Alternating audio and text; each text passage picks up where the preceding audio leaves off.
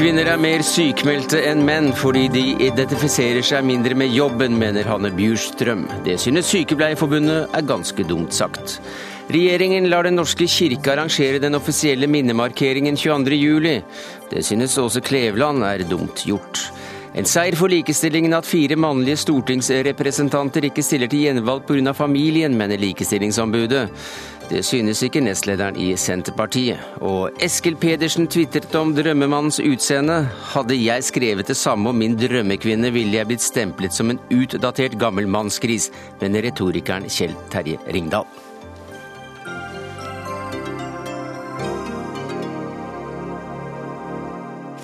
Ja, Det er noen av sakene i Dagsnytt 18 denne onsdagen, der vi også får med oss nyheten som fikk fysikere verden rundt til å gråte i dag.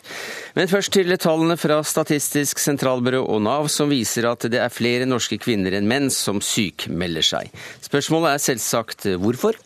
Og en av arbeidsminister Hanne Bjurstrøms forklaringer er at kvinnene identifiserer seg mindre med jobben enn mennene, står det i Dagbladet. Og hva synes du om den forklaringen? Eli Gunhild By, du er forbundsleder i Norsk Sykepleierforbund.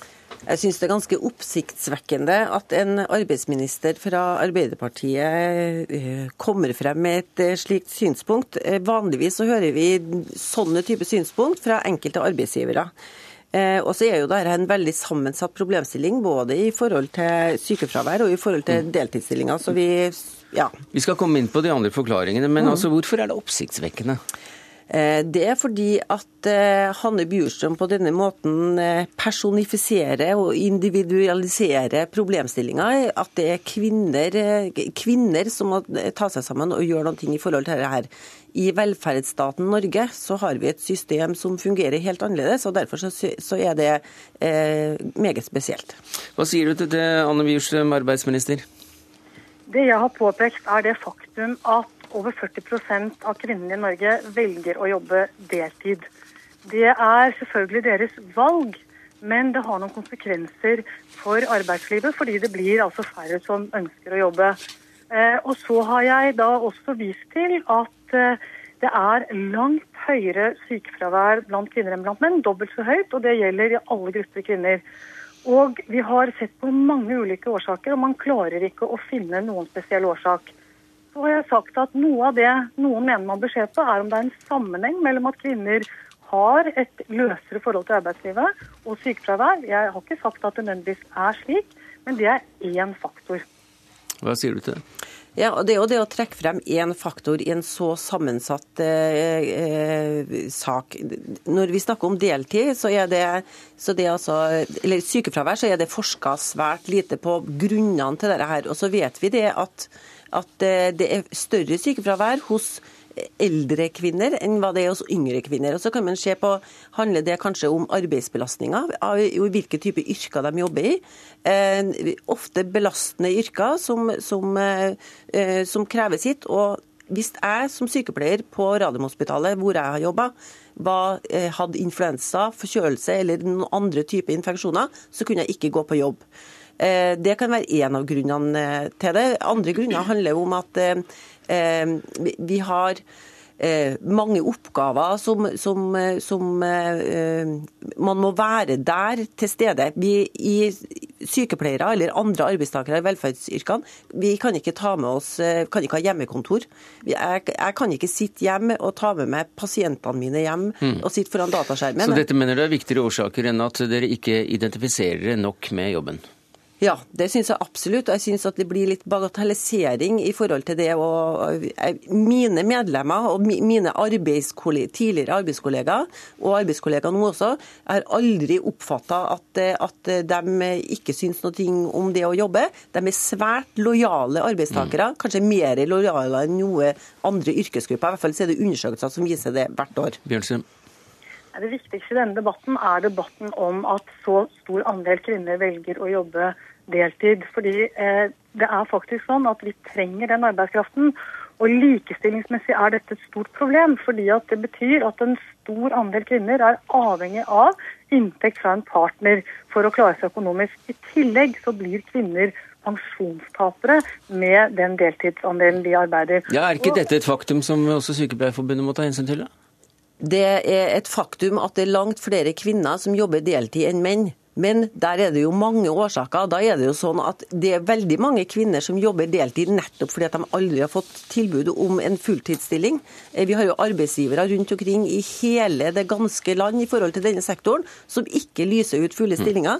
Eh, så dette her er veldig mye mer sammensatt. Jeg kjenner meg ikke igjen i forhold til den problemstillingen. Julie Brottkorb, du er leder for Høyres kvinneforum, og du har sagt at du er bekymret du, eh, når arbeidsministeren synser slik. Hvorfor det? Ja, jeg syns det blir en veldig merkelig utspill å skulle blande sammen sykmeldte og deltid.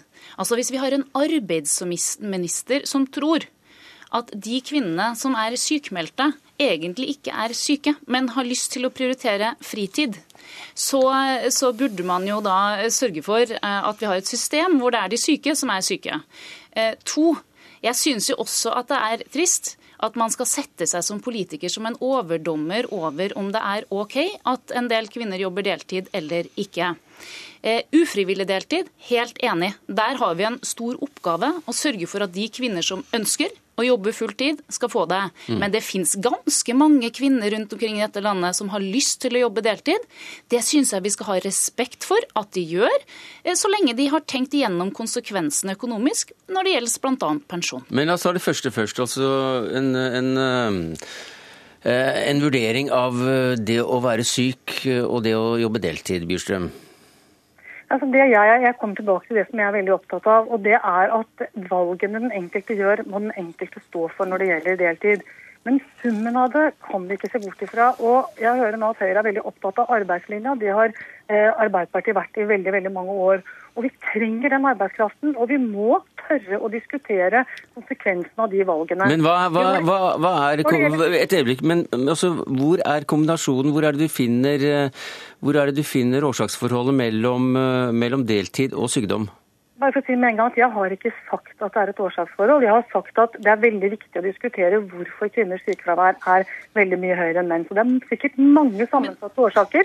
Nå må vi ta tak i den debatten og så må vi finne og se på hva vi kan gjøre sammen som ja. kvinner. Og Vi tar tak i denne debatten her, vi, Bråttkorp. Ja, altså, når, når, når, arbeidsministeren da eh, sier at hun mener at noe av grunnen til at eh, kvinner som er ferdig med småbarnsfasen, er sterkt representert blant de sykmeldte, er at de ikke føler en stor nok tilhørighet til arbeidslivet arbeidslivet og heller prioritere fritid, så sier hun jo, om ikke direkte, så svært indirekte, at her er det en sammenheng mellom at, eh, at kvinner skulker og er sykemeldte. Det kan ikke en arbeidsminister si. Og hvis hun mener det er tilfellet, så må hun gjøre noe med mm. systemet. Jeg hører at, at Bråttkorp sier at jeg sier det, men jeg har altså ikke sagt det. Hun har ikke noe belegg for at jeg har sagt det. Det jeg har sagt, er at det er en stor utfordring for samfunnet at kvinner er mer syke enn menn. Vi får ned sykefraværet veldig godt i Norge nå, men i veldig liten grad blant kvinner. Og så har jeg, sammen med forskere, og vi har hatt seminarer og diskutert veldig mange ulike årsaker. Man finner ikke én årsak. Så er det noen som hevder at det kan ha noe med dette å gjøre. Den diskusjonen må vi ta. Det betyr ikke at jeg sier at noen skulker eller ikke. Men sykefravær er en konsekvens av veldig veldig mange valg og veldig mange situasjoner. Mm. Og dette kan være ett forhold. By, det må du nesten få svar på. Ja, jeg tenker at en her må, her må, vi nødt til å sette oss ned og se på helheten. Og så vet vi at det er mange årsaker til sykefravær. Vi vet at kvinner som jobber i deltidsstillinger, ofte gjør det og fortsetter med det fordi at de har eh, ansvar for foreldre, for svigerforeldre, for barnebarn osv. Jeg vet også at eh, eh, kvinner som jobber f.eks. på et sykehjem, eh, de, de, strekker seg fryktelig langt. Og så vet vi også det at årsaken til at kvinner sykemelder seg, er pga. forhold i hjemmet, mens det for menn er for, eh, på forhold i, i, på jobben. Så Derfor så er det, eh, det er nok viktigere at vi tar tak i i beveggrunnene her, og f.eks. fortsette å snakke om hva vi skal gjøre med det ut mm. ifra en eh, eh, deltidsproblematikk som er stor, men at man f.eks.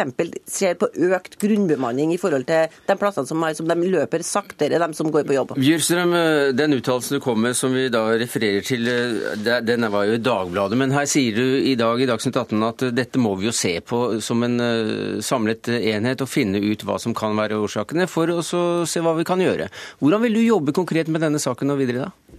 Eh, jeg jobber med dette bl.a. Eh, sammen med partene i arbeidslivet. fordi at Vi jobber jo med denne avtalen om inkluderende arbeidsliv for å se på hvordan vi får ned sykefraværet. Dette er noe av det vi må ta tak i nå. Men bare til dette med ufrivillig deltid. Ja, Da må du være veldig kort, for vi avrunder her. Ja, for, vi, for, for, vi vet veldig mye om ufrivillig deltid. og det er slik at Ni av ti som jobber deltid, jobber frivillig deltid. Én eh, av ti jobber ufrivillig. Så må vi se på hvorfor velger kvinner å jobbe frivillig deltid. Det er klart det er mange årsaker til det. Og Den diskusjonen er viktig å ta. og det er klart at Kvinner har mm. et belastende hjemmemiljø. Vi skal ta den diskusjonen. Nå er det to kvinner i studio i Dagsnytt 18 som rekker opp hendene. og Det er Eli Gunnhild By, forbundsleder i Norsk Sykepleierforbund. Takk skal du ha for at du var med i denne debatten. Hanne Bjurstrøm, takk til deg som arbeidsminister for Arbeiderpartiet. Julie Bråttkorp, du må nesten bli sittende.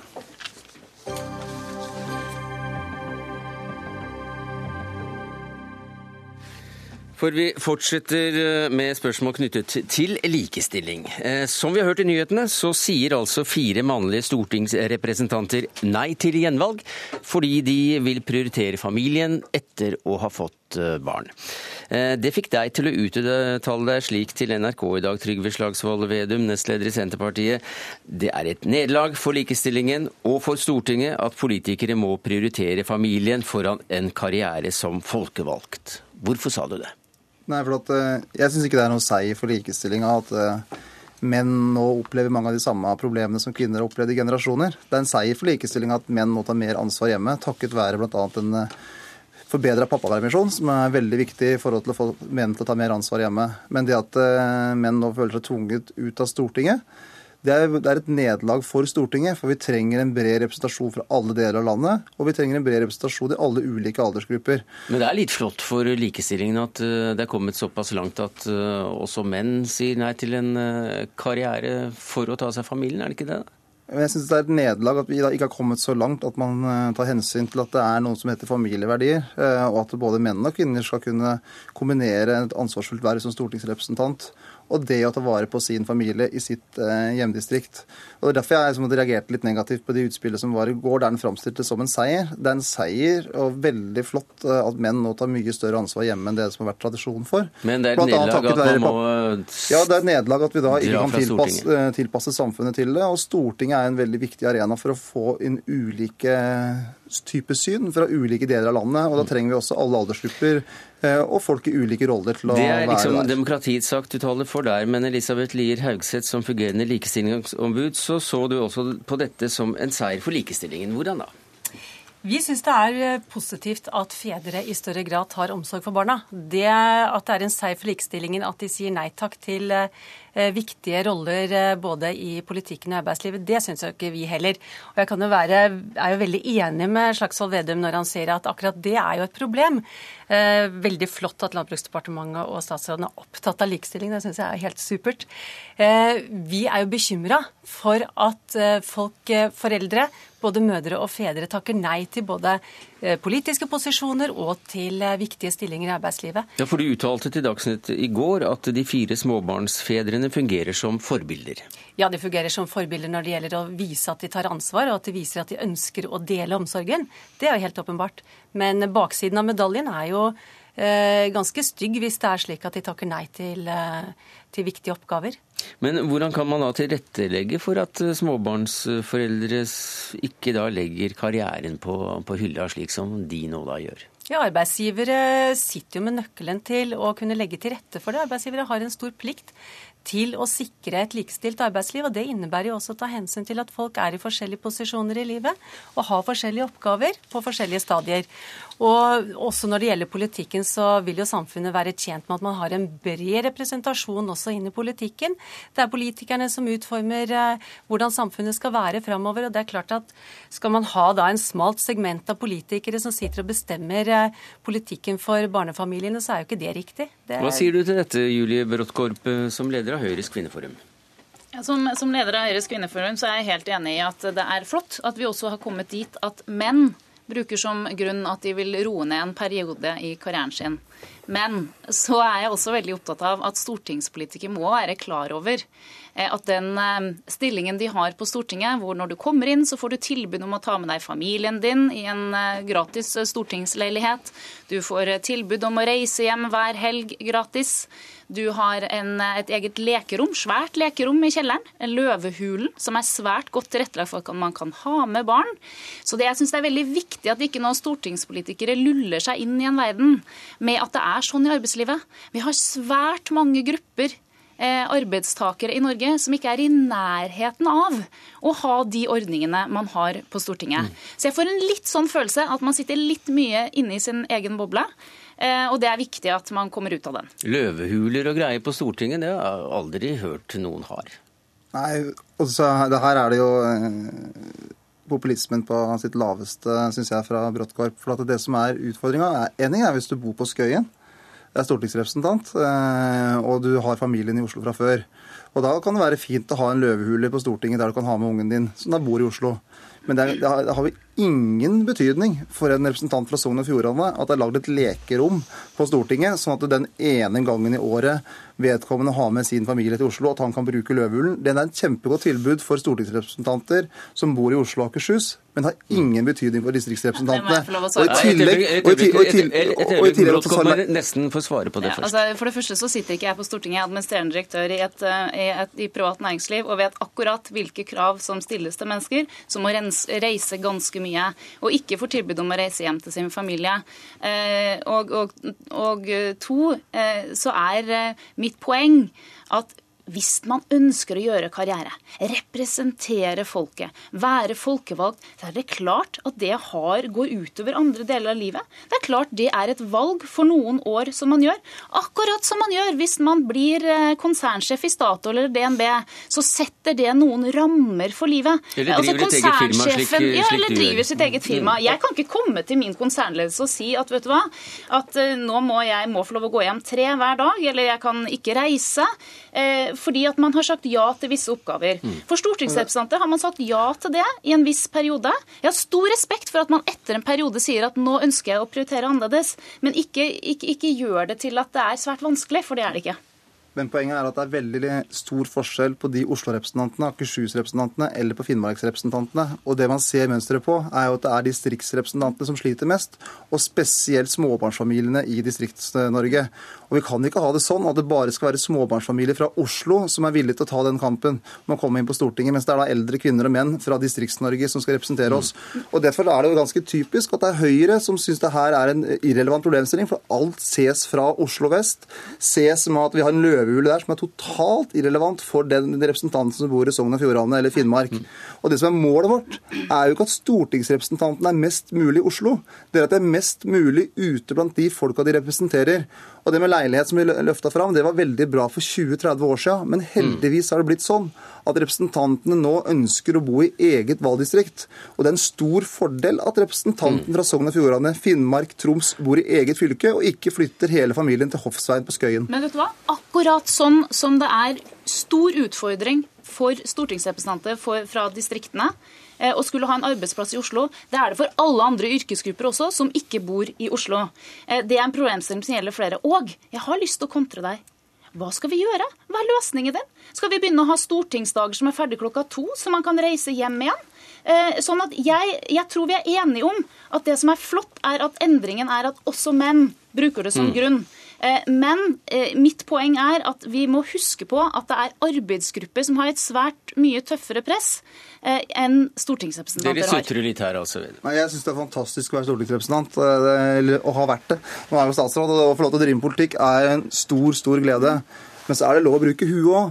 Fordi at noen er så opptatt av at det skal flest mulig møtedager i Stortinget. Eh, og når jeg var parlamentarisk leder, så var det også diskusjoner mellom partiene på det, og, noen mente at det var et mål å ha flere dager i Stortinget. Jo, jo, men, men, men, men, nå har dere også jo, seks, ikke... seks, måneders sommerferie og ja, to måneders juleferie og en måned i påsken, og nå skal dere ha ni til to-jobb også? Nei, jeg mener det er ikke noe poeng av ni til to-jobb. For, det, for en representant fra Finnmark så betyr det ingenting. Mm. Men det er et poeng at det går an å kunne ha en del dager i eget hjemfylke fordi at den skal være et representant for et område. Mm.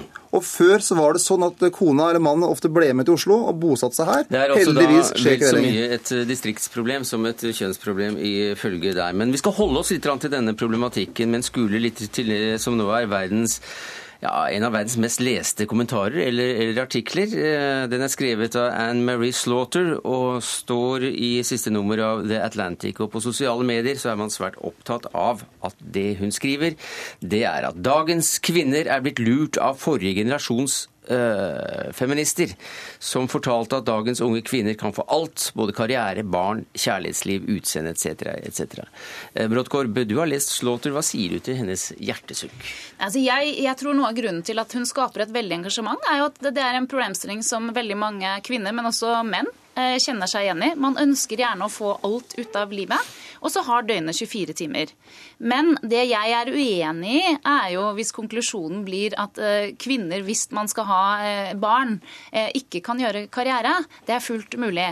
Men kanskje må man se at man ikke blir den som har de hjemmebakte bollene, hjemmebakte kakene. Huset er kanskje innimellom rotete. Og man må prioritere bort om det er TV-titting og venninnekvelder.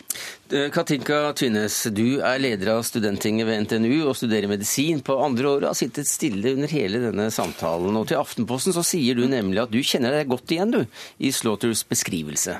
Hvordan da? Det sies at man kan få alt. Det kan man ikke. Eh, og Bråskorb er jo inne på noe. Det er klart, Kanskje er det venninnekvelder man må prioritere bort. Men det er slik at de tøffeste jobbene i samfunnet de krever at du jobber veldig veldig mye, særlig i perioder. Og da er det å skulle stå også ansvarlig for oppdragelse av barn ikke mulig. Da må du ha noen andre som er der og støtter opp. Og det at vi kan anerkjenne, eh, som Rådskorp sier, det er 24 timer i døgnet, det tror jeg er veldig viktig. Så det ikke blir et press på at man skal være noe overmenneske. Hva sier Likestillingsombudet til det? Det er tankevekkende, syns jeg, at debatten nå blir så intens når det er menn og mannlige politikere som trekker seg og sier at de ikke ønsker gjenvalg. Eh, dette har kvinner gjort i årevis. De har trukket seg vekk, og de har sagt at dette klarer vi ikke. Nå, når det er fire menn som sier det, så blir det en stor debatt ut av det. Og jeg syns ikke vi skal redusere denne debatten til å snakke om møtetidspunkt og lekerom. For det dreier seg om mer. Dette dreier seg om systematisk arbeid for å få til et likestilt arbeidsliv. Mm. Men, men på tampen her så har vi jo vippet ja. denne saken litt over til, til det mer generelle, som, som, denne skribenten Slaughter også drar opp, at uh, unge kvinner i dag de uh, bør absolutt uh, se seg om, for de er blitt lurt av eldre feminister som har sagt sagt at eh, dere kan klare alt. Ja, men jeg tenker at når menn også nå ønsker å ta omsorg for barna sine, for familien sin, så vil det være flere som kommer på banen og vil gjøre det. Det må både arbeidsgivere og politiske livet ta inn over seg. Det betyr at hvis de skal trekke til seg de gode arbeidstakerne, de gode politikerne, så er de nødt til å innrette både eh, hvordan, skal, eh, hvordan man skal jobbe med politikken, hvordan arbeidslivet skal være. Jeg tenker at dette her er noe arbeidsgivere må ta med seg. Og de har en plikt til å sørge for det også. Tynnes, du er ung karrierekvinne som da studerer medisin, skal vel da bli lege. Hvordan ser du på framtiden da, når du må velge mellom barn og karriere? Jeg må innrømme jeg var usikker på om jeg skulle studere medisin i det hele tatt. For jeg har sett hvor tøft det er å være lege, eh, og hvor høyt arbeidspress det er der, og med vakter og det ene og det andre. Det er ikke nødvendigvis lett. Så jeg vil si at eh, det er veldig mange yrker hvor det er mulig. Og det er veldig viktig at de store yrkesgruppene våre, sykepleiere, lærere osv., har mulighet til å ha barn og jobbe samtidig. Og så må vi innse at de som jobber mest, de vil lære seg mest, de vil bli dyktigst på det de driver med. Og noen vil alltid være villige til å gi alt der, og det må de få lov til, for det er også nyttig for samfunnet vårt. Men du selv? Jeg har nok lyst til å ha barn og prioritere familielivet. Og Dermed så er det også blitt et politisk spørsmål om man kan eh, få i både pose og sekk. Ja takk, begge deler vil vel sikkert Trygve Slagsvold Vedum, eh, Vedum si, ut ifra at eh, han ikke mener at stortingsrepresentanter bør trekke seg pga. familien. Man kan få til begge deler, var det ikke slik? Ja, og så mener jeg det er veldig viktig at vi som politiske ledere også tar noen politiske grep. Og Det grepet som jeg har vært med på når jeg har sittet på Stortinget, det er jo at vi har innført tolv ukers pappaperm. Og Jeg er sikker på at det har hjulpet utrolig mange fedre rundt i hele Norge til å si til sin arbeidsgiver jo, jeg har en rettighet på tolv uker. Mm. Det er like naturlig at jeg tar ansvar som min ektefelle. Og det, er, og det, er, sånn vi også drar likestillingspolitikken framover. At vi har politikere som tør å ta den type grep, i motsetning til Høyre, som gjør at markedet skal ordne alt. Og det hadde vært mye vanskeligere for menn i lederposisjon å ta ut permisjon hvis det ikke hadde vært for at vi i den rød-grønne regjeringa nå har økt. Det er synd Også... på Julie Bråttkorp som ikke får svare på det, som leder for eh, Høyres kvinneforum, men vi må sette strek her. Takk skal du ha, Trygve eh, Slagsvold Vedum. Elisabeth Lier Haugseth, fungerende leder i Likestillingsombudet, og Katinka Tynes, leder av Studenttinget ved NTNU og medisinstudent. Hør Dagsnytt 18 når du vil, på nettradio eller som podkast. nrk.no – dagsnytt 18. Søndag 22. juli kommer kongeparet, statsministeren, AUF-lederen og de berørte etter terroraksjonen til Oslo domkirke for å minnes de drepte. Markeringen, som kringkastes av NRK, vil være en minnegudstjeneste med tale av stortingspresidenten. Åse Kleveland, du er styreleder i Human-Etisk Forbund, og du synes dette er både skuffende og overraskende. Hvorfor det? Jeg synes det er skuffende fordi at vi får en repetisjon av det som skjedde i fjor. At det først og fremst da er i en evangelisk-luthersk ramme som man markerer 22. i 7. Og fordi vi har, at det skjedde i fjor, det var ikke det spor eh, rart. Fordi at da dette skjedde fort, og dette var noen ting som Kirken hadde et apparat å ta seg av. Nå har vi hatt et helt år som har gått siden den gang.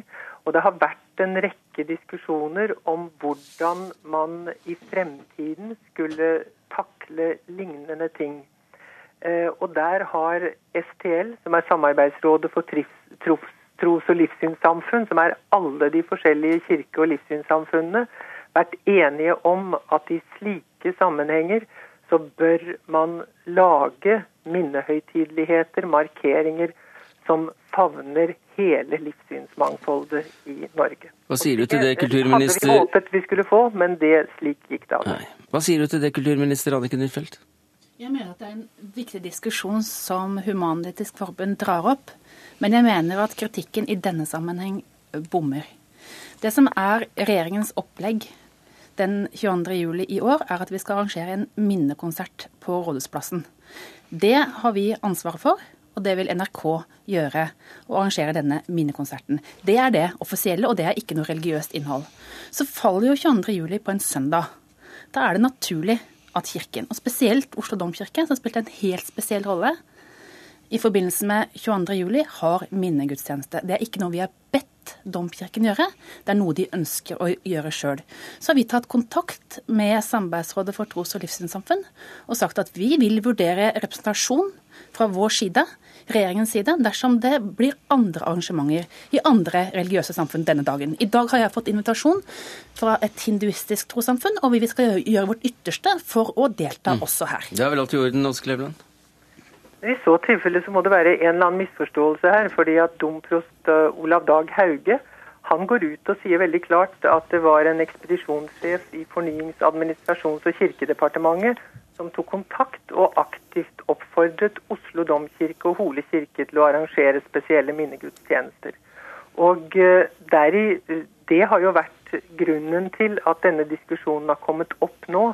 Det er jo nettopp at vi ser det selvfølgelig helt naturlig og har vært informert om at Kirken kommer til å markere dette. Det skulle da bare mangle. Men det som har vært det spesielle, det har jo vært nå informasjonen om at dette var spesielt initiert og oppfordret til av regjeringen. Det stemmer ikke, fordi at Hole kommune, eller Kirken i Hole tok tidlig kontakt med oss og spurte hva som var regjeringas planer. Og Da sa vi at vi ville ha en minnekonsert om kvelden så har det ikke vært slik at kirka på bestilling fra regjeringa har en gudstjeneste. Men det vil naturligvis være sterk representasjon fra vår side. Men jeg mener det vil være helt feil dersom vi bestiller en gudstjeneste, eller bestiller et arrangement i Human-Etisk Forbunds regi. Dersom Human-Etisk Forbund ønsker det, så vil vi vurdere å delta der. Men det, Dette er jo en utrolig viktig oppklaring. For det betyr altså at det som, har vært, eh, det som, det som domprosten har blitt sitert på er direkte feil. Og det syns jeg er utrolig gledelig om det nå viser seg at det er slik det er. For det betyr da forhåpentligvis også at uh, regjeringen kommer uh, til å være, uh, se det som ønskelig å gå inn på den dialog som Samarbeidsrådet for tros- og livssynssamfunn ønsker når det gjelder nettopp dette å se på bredere manifestasjoner. Mm. Så domprosten tøyser litt her, altså, Huitfeldt, ifølge deg? Ja, men det har jo vært eh, en del diskusjon. Jo, men det har jo vært også kritikk fra Human-Etisk Forbund omkring det at regjeringen deltok så sterkt. Jo, jo, men altså Domprosten sier jo da at det var en ekspedisjonssjef fra et eh, departement som eh, henvendte seg til, til Domkirken og spurte om ikke de hadde tenkt oss å gjøre noe spesielt, og at de ville få regjeringens støtte. Men uh, du sier at så ikke er tilfellet, og dermed så står domprostens ord mot ditt.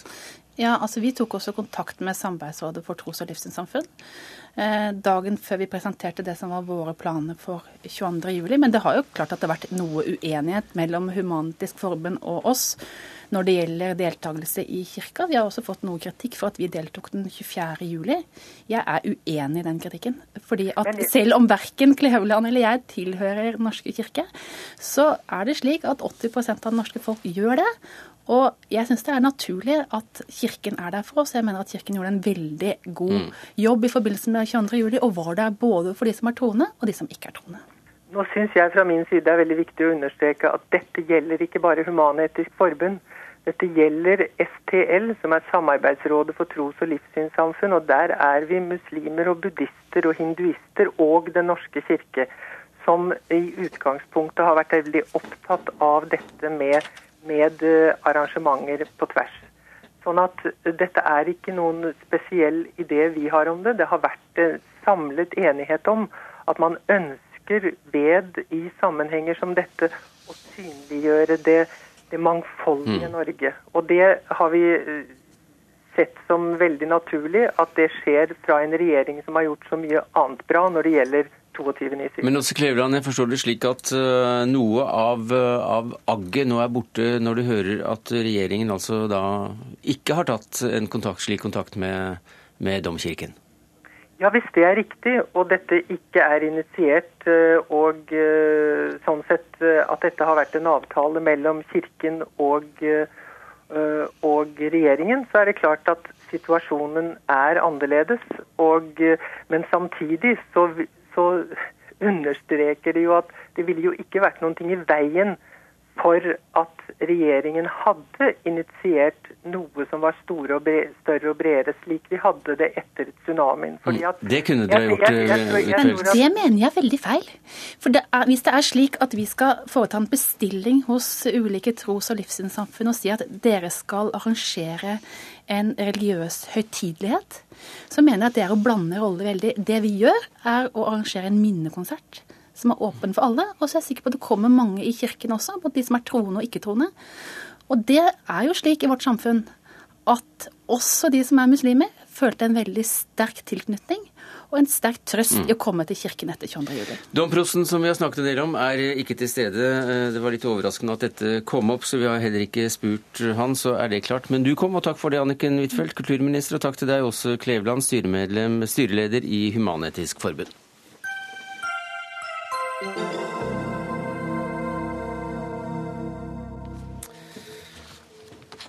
eh, fem-seks minutter tar norsk herrefotball over denne TV-kanalen som nå sender dette radioprogrammet Dagsnytt 18, men du kan følge oss videre på radiokanalen NRK P2. I så fall så får du nå med deg en eh, gladnyhet, for om eh, to og et halvt år så skal verden ha forandret seg eh, ganske mye siden år 2000, hvis FN skal få viljen sin. De 189 medlemslandene satt i år 2000 opp en rekke mål for hvordan situasjonen skal være for folk på jorda i 2015, og i dag la FNs utviklingsprogram UNDP fram den årlige helserapporten for klodens tilstand. Og Olav Kjørven, du er assisterende generalsekretær i UNDP. Hvordan står det til med pasienten? Du, eh, det, det, står bedre til enn mange tror. Altså, man er så vant til å fokusere på det negative i denne bransjen. Og det at vi kan legge fram en rapport som viser at eh, vi allerede har nådd eh, fire av delmålene som ble etablert eh, etter millenniumkonferansen i år 2000, det er veldig hyggelig. og Særlig når man da tenker på hva dette faktisk er. Det dreier seg om å få rent drikkevann ut til et stort antall mennesker. og Faktisk har to milliarder flere mennesker i dag adgang til rent drikkevann enn for 20 år siden. Det betyr liv og død for veldig veldig mange.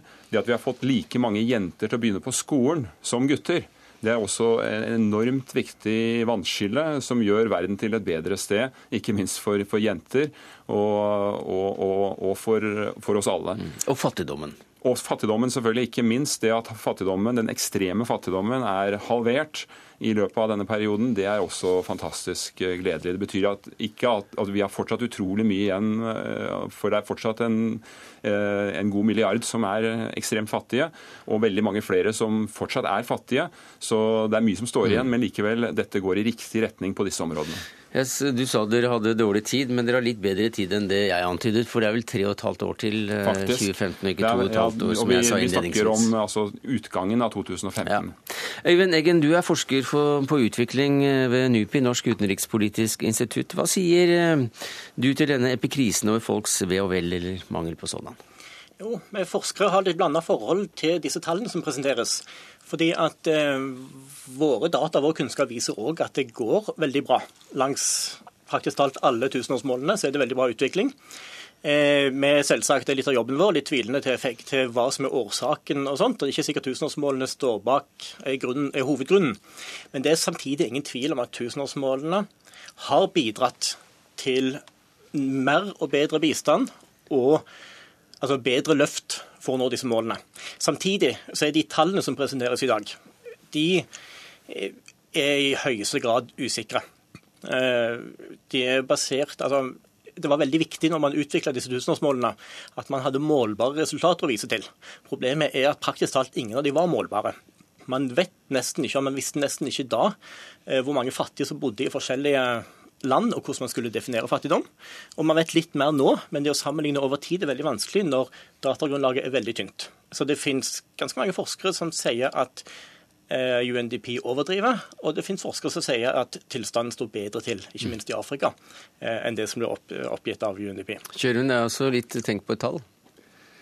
Altså, det er klart at det er uh, usikkerhet heftet ved denne type statistikk og tall. Men det er jo uh, i, i, alt egentlig vi, vi, driver med og snakker om, også når det gjelder mye statistikk i, i den vestlige verden. ja, for, det, for det, er vel, det, er vel, landene selv som må rapportere en god del av, av dette til, til FN sentral, som sitter og vurderer tallene og som ser på om det, om det er rimelig eller ikke. og Hvordan kan man gjøre det, når f.eks. man ikke er enig om hvor mange som bor i Nepal engang? Jeg FN mener at det er to millioner mennesker mer enn, en det Nepal mener. Da er det litt vanskelig også å si eh, noe om fattigdom og hvor mange og etc. Ja, altså Dette er ikke enkelt, men det betyr ikke at vi, at vi ikke vet noen ting. og vi, vi, Det er ikke bare den offisielle statistikken vi baserer oss på. Vi gjør jo også våre egne stikkprøver og undersøkelser og, og sammenligner. og Det er jo veldig mange som er ute og måler ulike aspekter ved, ved utvikling og fattigdom. Både i det enkelte land og selvfølgelig i ulike organisasjoner. Og Dette blir jo da sammenstilt, og vi forsøker eh, å, å, å trekke et bilde ut av det.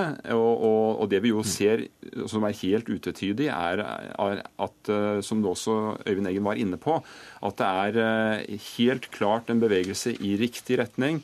Vi vet at, at, utrolig mange flere i dag har adgang til rent drikkevann enn hva tilfellet var i 1990. Vi vet at, at jenter er på skole i et langt større omfang enn før. Hvis, altså jeg reiser jo rundt til, i de landene hvor vi samarbeider, og vi er på bakken i 170 land.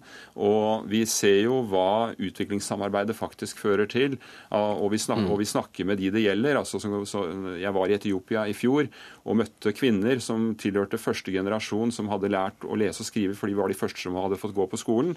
Og nå er de helsearbeidere i, på, på klinikker i sine lokalsamfunn og bidrar til at mødredødeligheten går ned og barnedødeligheten går ned, for de er i stand til å betjene den lokale befolkningen. Og Hvis du snakker med disse kvinnene, så kan de tusenårsmålene på rams. Det sier også noe om kraften i disse målene. At eh, det er ikke bare vi eh, teknokrater mm. og byråkrater som, er, som, lever av utvikling, som, som, kan og vet noe om disse målene. Eller forskere som, som Øyvind Eggen. Nei, Men eh, nå må du nesten ja. Eh, la andre slippe til litt her. For jeg, jeg, de jeg har snakket med utaskjærs i litt rufsete land, har ikke hørt om, om tusenårsmål i det hele tatt. Knapt nok om FN. Så vi har kanskje snakket med forskjellige folk. Men Eggen, det er også altså solskinnshistorien en masse her. Det er åtte store mål, det er 21 undermål, og det er 80 indikatorer, så å si. Og allerede er fire undermål oppnådd, og det tre og et halvt år før fristen. Ja, Og det er, altså Med et forbehold om at dette er ekstremt upresist, og vi vet veldig lite av det konkrete, så er dette antagelig riktig. Det går veldig bra med store deler av verden. Det skyldes jo selvsagt i hovedsak at det er god økonomisk vekst i land med store befolkninger. Eh, og så har du, altså, ja, Men det skyldes òg altså, at tusenårsmålet har bidratt til en del løft. Det har Og også bidratt i seg selv. De har bidratt i seg selv at FN satte seg ned og så kom fram til åtte hovedmål innen 2015. Har bidratt i seg selv. Hvordan da? Nei, Det det bidro til, det er faktisk altså, det samme som har gjort de effektive, er det samme som litt av problemet med det. Man hadde en periode på 90-tallet hvor det var en del sånn politisk kamp om bistand og liberalisering, globalisering og sånt. Og så var det veldig sterkt krav, altså det var en påstand om at bistand ikke virka. Og Det gjorde det viktig blant de som, altså arkitektene bak disse målene å lage et slags apolitisk, nærmest sånn teknokratisk prosjekt. Som hadde da veldig sånne tydelig målbare eh, indikatorer, og som tok ut politikken av bistanden. Og bare sa det at nå skal vi, uavhengig av politisk retning og politisk stå- ståsted, skal vi gjøre dette sammen. Og det betyr, For det første så betyr det at resultat, altså målene som ble satt opp, var de som man trodde var målbare. Det har jo vist seg at de ikke er det. Eh, altså, Flere mennesker på skole, men det var ingenting om kvaliteten i skolen. Som er altså enda viktigere, men ikke målbart. Um, og så har det betydd det at man har mista litt fokus på politiske veivalg. Jeg syns egentlig det at de menneskene i Etiopia som Sherwin snakker med, det er helt uinteressant om de kan tusenårsmålene, men de bør være engasjert i politiske spørsmål rundt om det skal være en offentlig eller privat eh, sektor som leverer deg tjenestene. Eh, De bør kanskje engasjere seg i andre ting enn disse to tusenårsmålene. Krav om jobb, sysselsetting. Det står ikke i målene her. Dette var et, sånn et, det var et prosjekt som bidro til å redde bistanden i en periode da den var ganske trua, og til å løfte bistanden, løfte denne her, altså løfte både kvaliteten og mengden. Kjørmen, da FNs generalsekretær la fram eh, tallene for et par dager siden, så brukte han mye tid eh, på eh, mål nummer åtte. Globalt partnerskap for utvikling. Hva er det for noe? Det er på en måte de forpliktelsene som den rike verden har til å bidra til at eh, målene kan oppnås. Eh, Det er der bistanden egentlig kommer inn. Altså at, eh, at rike land skal i prinsippet gi 0,7% av bruttonasjonalinntekt til bistand. Det er det bare fem land som gjør, deriblant Norge. For å nettopp bidra til dette løftet. Og I tillegg til det så er det fokus på gjeld. eh, Gjeldsbyrden til fattige land. og Det er for øvrig det er også en, en eh, solskinnshistorie her, at den er blitt betydelig redusert i denne perioden. Eh, Et annet område hvor det ikke har gått på langt nær så bra i forhold til det målet som ble satt, er gjeld. Eh, unnskyld, eh, handel. eh, Hvor det jo fortsatt ikke er noen eh, avtale på plass eh, etter alle disse årene. Men på den annen side så har jo utviklingsland fått en økt andel av den globale handelen. Ja, Er det ikke akkurat det som har skjedd, da? Nemlig at eh, Kina har gått så det suser. Jo, men altså, nett- India, fattigdommen der er Og, og det må vi, det må vi, millioner er løftet ut av det må vi glede oss over. Men det, så det, har det, ikke så mye, det svarer ikke så mye med noen noe hårete målsetninger som blir gjort i år 2000 av Jo. Faktisk. Og, og, altså, det er klart at den økonomiske veksten i disse landene har bidratt til å løfte veldig mange ut av fattigdom. Så mål én er veldig direkte knyttet til den økonomiske utviklingen i Kina og India og flere andre mellominntektsland. Men det hører med til historien at også i Afrika, særlig de siste fire-fem årene, så har veksten vært veldig høy. Og må jeg få lov til å bare si én Ja, ting? da må du være veldig rask. Veldig, veldig rask. Og det er at de andre målene, altså fra to til sju, det gjelder helse, det gjelder utdanning og den type ting, vann og sanitær, der er det tusenårsmålene som har bidratt, og at vi har hatt et felles løft mellom fattige land og rike land og prioritert de samme tingene, som, som har vært utslagsgivende for å få den eh, utviklingen. Vi møtes om et års tid, Kjørven, hvis alt går som det skal. Takk skal du ha som assisterende generalsekretær i UNDP, FNs utviklingsprogram. Takk til deg, Øyvind Eggen, eh, forsker ved NUPI.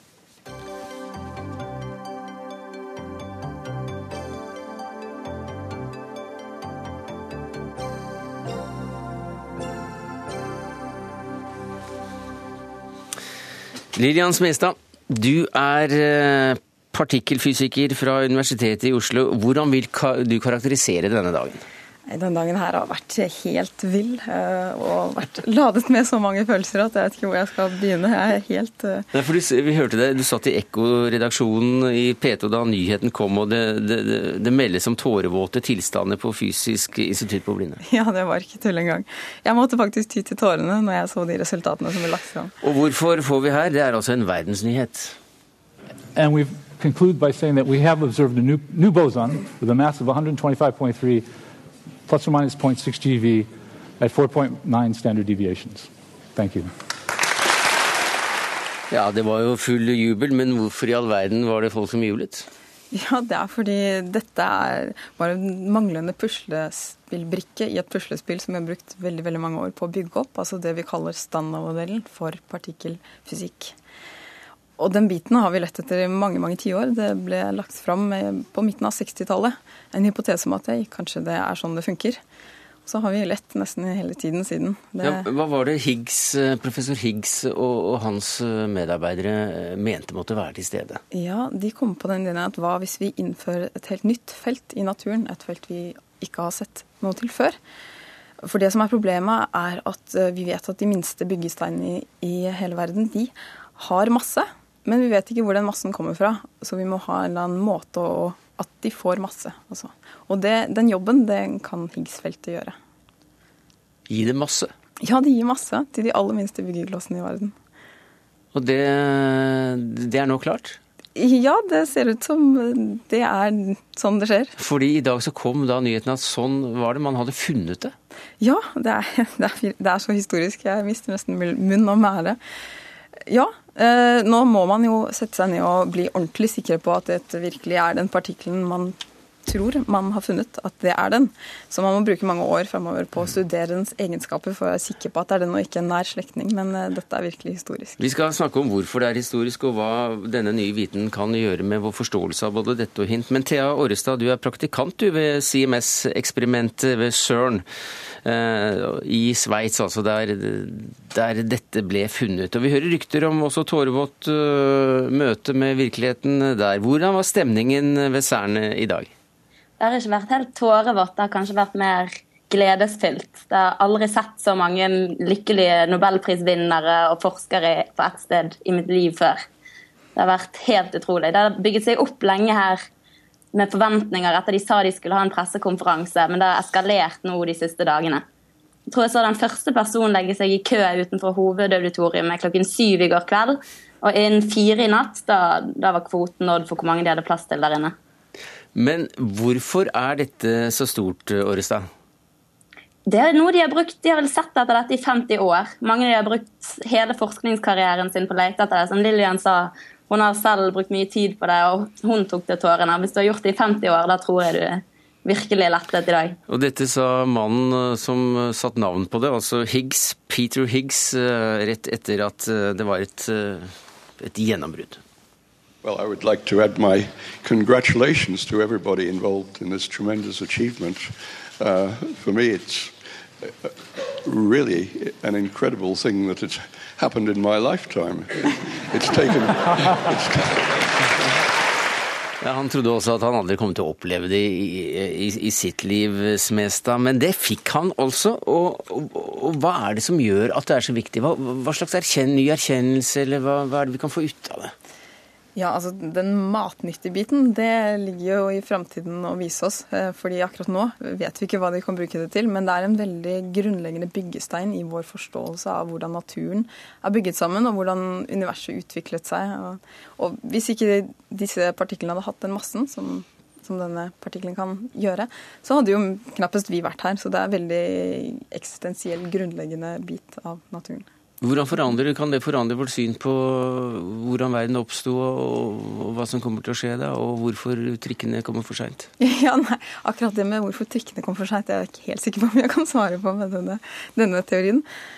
Men, eh, men, utviklingen av universet altså Vi har jo den naturen vi har, og, og vår jobb som fysikere er å, kunne forklare det. Og, og, det er det at denne byggesteinen var virkelig nødvendig for å finne ut uh, om vi har forstått hvordan det henger sammen. Uh, og hvor stor er denne byggesteinen, da? Ja, Den er så liten så det går ikke an å, å tenke seg. Den har faktisk ingen utstrekning overhodet. Nei. Nei. Det, er, det er der ja. mange faller av, er eh, redd Orrestad. Vi, vi, er vant til å kunne måle både elektroner og, og i hvert fall atomer, men, men her har vi altså en viktig brikke for hele universet som ikke har noen utstrekning? Ja, det, det, høres litt rart ut når man skal prøve å forklare hva man bruker lang tid på å lete etter, og hvordan man har klart å se noe sånt i det hele tatt. Men det, det, er en vanskelig prosess, og det er vanskelig å skulle formidle det til, til alle. Ja, Nå er jo Dagsnytt 18s lyttere særdeles eh, interessert i akkurat den type ting. Men eh, hvordan, kom, hvordan fant man dette ut da, til slutt? Hvordan de oppdaget det? Ja. Det er vel en statistisk prosess, mer eller mindre, der du, der du oppdager at du mangler du, har, du, oppdager at du har en masse et sted, et sted du antar at det, at det finnes et boson.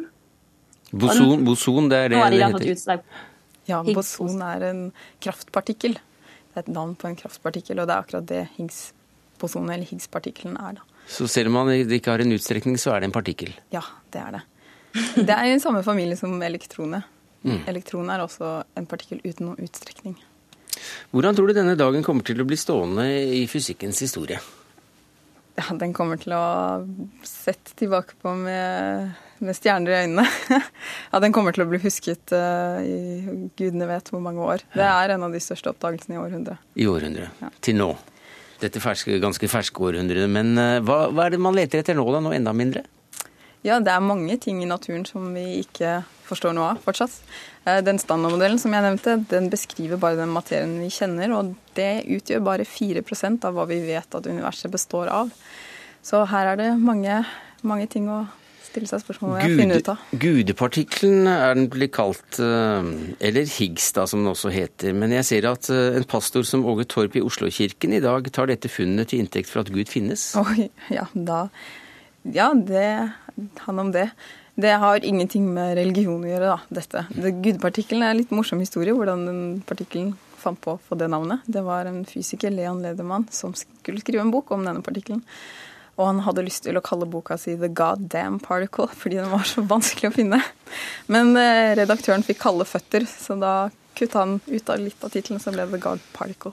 Ja, det var en, eh, et alternativt uh, forslag til forklaring på navnet som ikke har noe med kirken å gjøre i det hele tatt. Takk skal du ha for at du kom til oss og fortalte om dette, Lillian Smestad, stipendiat ved eksperimentell partikkelfysikk ved Universitetet i Oslo. Og Thea Årstad, takk for at du tok turen opp til et studio i eh, CERN, praktikant ved CMS-eksperimentet der nede.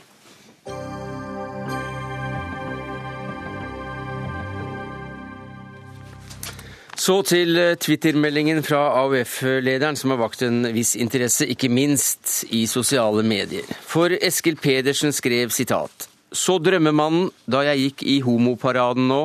Ganske klisjé å finne type der, men, men. Ta kontakt og så da etterfulgt av et, et, smiletegn. Til VG sier han at drømmemannen var kjekk og så ut til å være hyggelig og oppegående med en spesiell utstråling. Og dette reagerer du på i Aftenposten i dag, Kjell Terje Ringdal, du er høyskolelektor på Markedshøgskolen. Hvorfor det?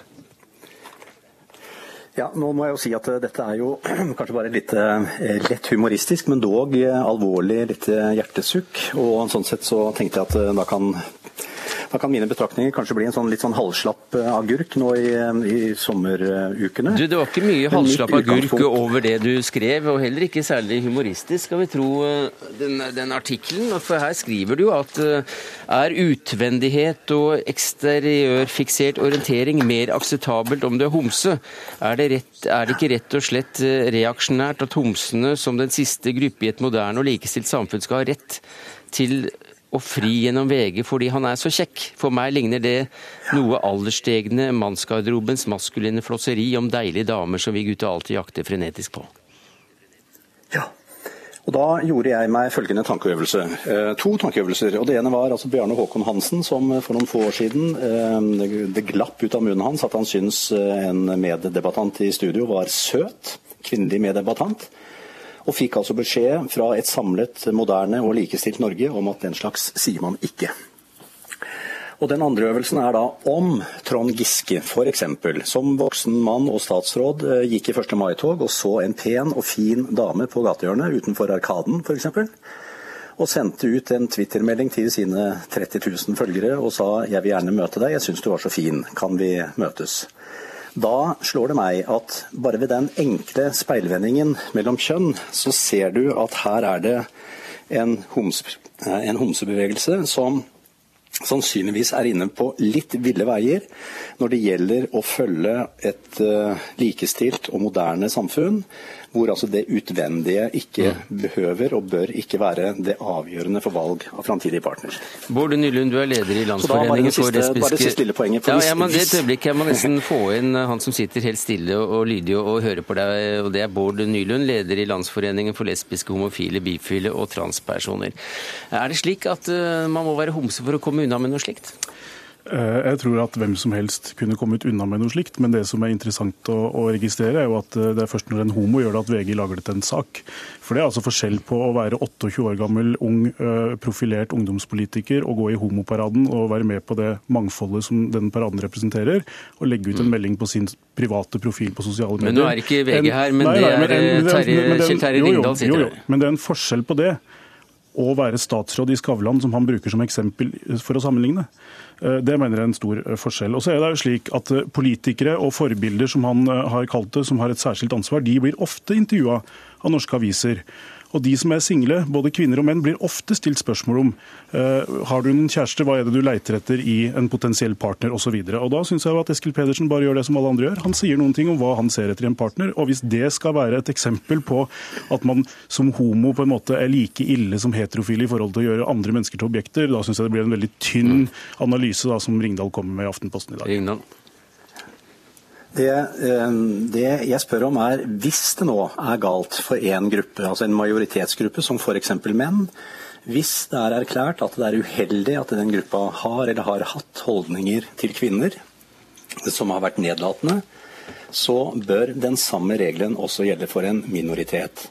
Og Det jeg da frykter på vegne av homobevegelsen, er altså at man tar og kjører en sånn slags slalåmkjøring mellom hva som er akseptert og ikke akseptert i ulike grupper og henter ut det som måtte være til fordel for en selv. Og jeg tror rett og slett at denne lille, denne lille, observasjonen den er viktig også for homobevegelsen når det gjelder å få eh, sympati og støtte for den kampen som man fører om å bli integrert og forstått og akseptert.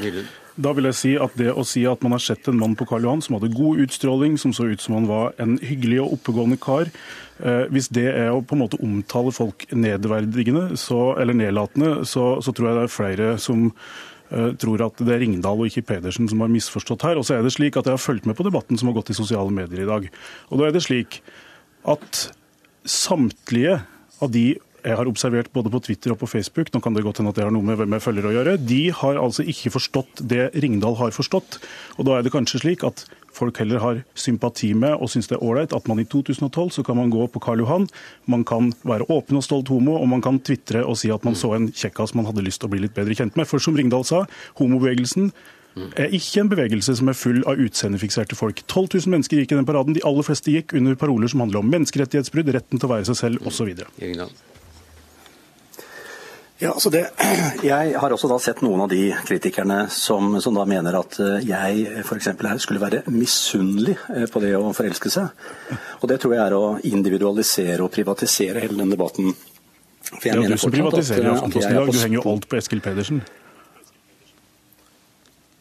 Jeg syns fortsatt det er et poeng eh, å peke på når én minoritetsgruppe eh, ser ut til å utvikle vaner, språklige vaner og omgangsformer som, eh, som, er i strid med hva andre grupper har lært seg til å ikke gjøre, så mener jeg at det er et poeng. Og at dette ikke handler om Eskil Pedersen eller forelskelse eller definisjonen på kjekk.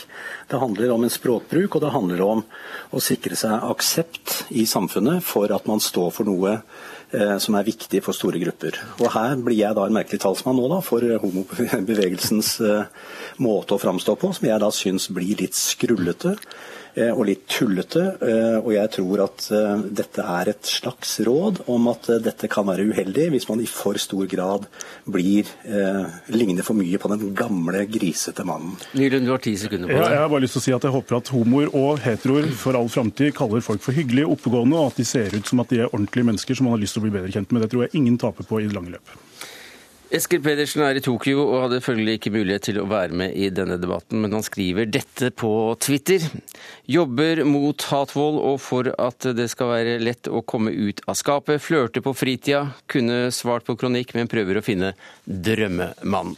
Så vet vi altså det. Takk skal du ha, Kjell Terje Ringdal, høyskolelektor på Markedshøgskolen, og Bård Nylund, leder i Landsforening for lesbiske, homofile og bifile. Det var det vi rakk i Dagsnytt 18, takket være Aksel Wilhelm Due, Arnt Egil Nordlien, min Sverre Tom Radøy.